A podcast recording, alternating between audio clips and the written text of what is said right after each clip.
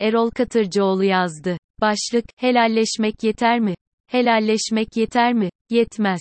Yetmez çünkü helalleşmek ihtiyacını doğuran olaylar yalnızca helalleşmekle ortadan kalkmazdı ondan. Çünkü helalleşmek ihtiyacını doğuran olaylar toplumun çok daha derinlerinde ve kendini üretme kapasitesi olan yapısallaşmış sorunlar. O nedenle de helalleşme çabasının çok daha yukarısında bir anlayış ve çaba gerektiriyor. Kılıçdaroğlu'nun açtığı helalleşme yolu tabii ki önemli. Küçümsüyor değilim. Sadece sorunların çözümü için yetmeyeceğini söylemek istiyorum. O nedenle de siyaseten topluma, gelin helalleşelim, demek var olan fay hatlarında yumuşamaya yol açabilir. Nitekim açmıştır da. Ama bugün karşılaştığımız siyasi krizin bu kadar derin olması aslında iktidarın özellikle bu fay hatlarını harekete geçirebilme yeteneğinin ve gücünün çok yüksek olmasından geliyor. Açık konuşalım. Toplumumuz zaten başlangıçtan beri inanç ve kimlik temelinde çeşitli fay hatlarına sahip bir toplumdu. Osmanlı İmparatorluğu'nun yıkılması sonucunda bağımsızlıklarını alıp giden topluluklar dışında geri kalan toplumun çok kimlikli ve çok inançlı bir dokusu olduğu ortadaydı. Bunu bilen Cumhuriyet kurucuları ortak payda olarak Sünni İslam'ı ve Türk kimliğini bulmuşlardı. Cumhuriyet daha çok bu kimlikleri öne çıkaran bir biçimde kuruldu. 1924'de aynı gün meclisten geçirilen üç yasanın, birinin resmi dilin Türkçe olduğunu bildiren Tevhid-i Tedrisat Yasası, diğerinin ise Sünni İslam fikriyatı üzerinde kurulan Diyanet İşleri Başkanlığı Yasası olması tesadüf değildi. Üçüncüsü de halifeliğin kaldırılması ile ilgili yasaydı. Cumhuriyet böyle kuruldu. Tabii ki bu iki konunun fay hattı olmasına neden olan gerçek bu hatların diğer yanlarında farklı inanç ve kimliklerin var olmasıydı. Cumhuriyet idaresi o günün koşullarında çeşitli asimilasyon politikalarını kullanarak ülkede bir biz duygusu üretmeye çalıştı. Yani fay hatlarında bir kırılma olmamasına çalıştı. Başarılı oldu mu? Bu soruyu 100 yıl sonra yani bugünlerde değerlendirmek gerek. Benim değerlendirmem kısmen oldu şeklinde. Kısmen çünkü çok önemli fay hatlarında gerginlikler giderilemedi.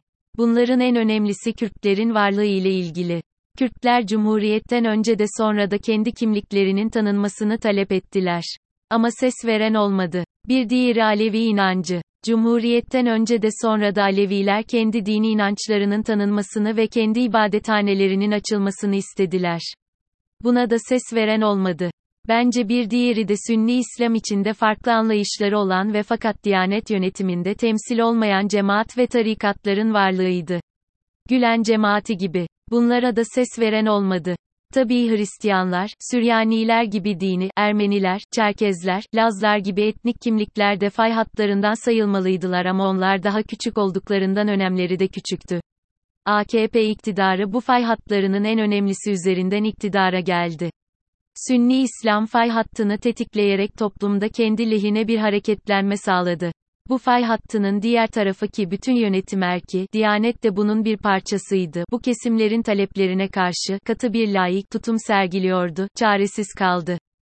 Son adım olarak 28 Şubat adı verilen ve İslami kesime karşı atılan darbeye benzeyen adımları ve bu adımların sebep olduğu mağduriyetleri de kullanarak AKP seçimi kazandı. Gelelim bugüne. AKP hala bu fay hattı üzerine oturuyor.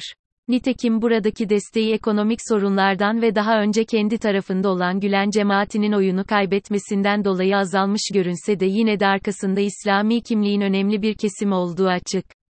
Tabii bir de Kürtlere yaklaşımından dolayı kaybettiği dindar Kürtleri de buraya yazmak gerek.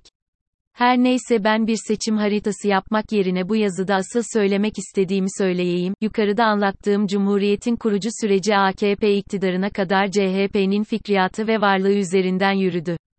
Şimdi de seçim öncesi en güçlü görünen de o, ama ne yazık ki bugüne kadar duruşu, altı, lıması içinde, çok yüzeysel bir, helalleşme, kavramı etrafında örülmüş durumda.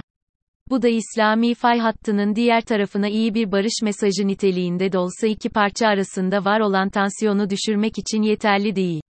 Oysa yazının girişinde de söylediğim gibi, yalnızca İslami kesime yönelik değil, Kürtler ve Aleviler bağlamında da daha cesur adımlara ihtiyaç var. Bu adımlarında, helalleşmek kavramının ima ettiğinin ötesinde bir, İslami kesim de dahil olmak üzere, Kürtlerin ve Alevilerin taleplerini söylem içine alması, iki, bu taleplerin, hak ve yetkilerini de anayasal güvence altına alma sözünü vermesi, bir başka ifadeyle toplumdaki fay kırıklarının mağdurların talepleri seçim söylemi içine alan kapsayıcı bir anlayışı benimsemek lazım.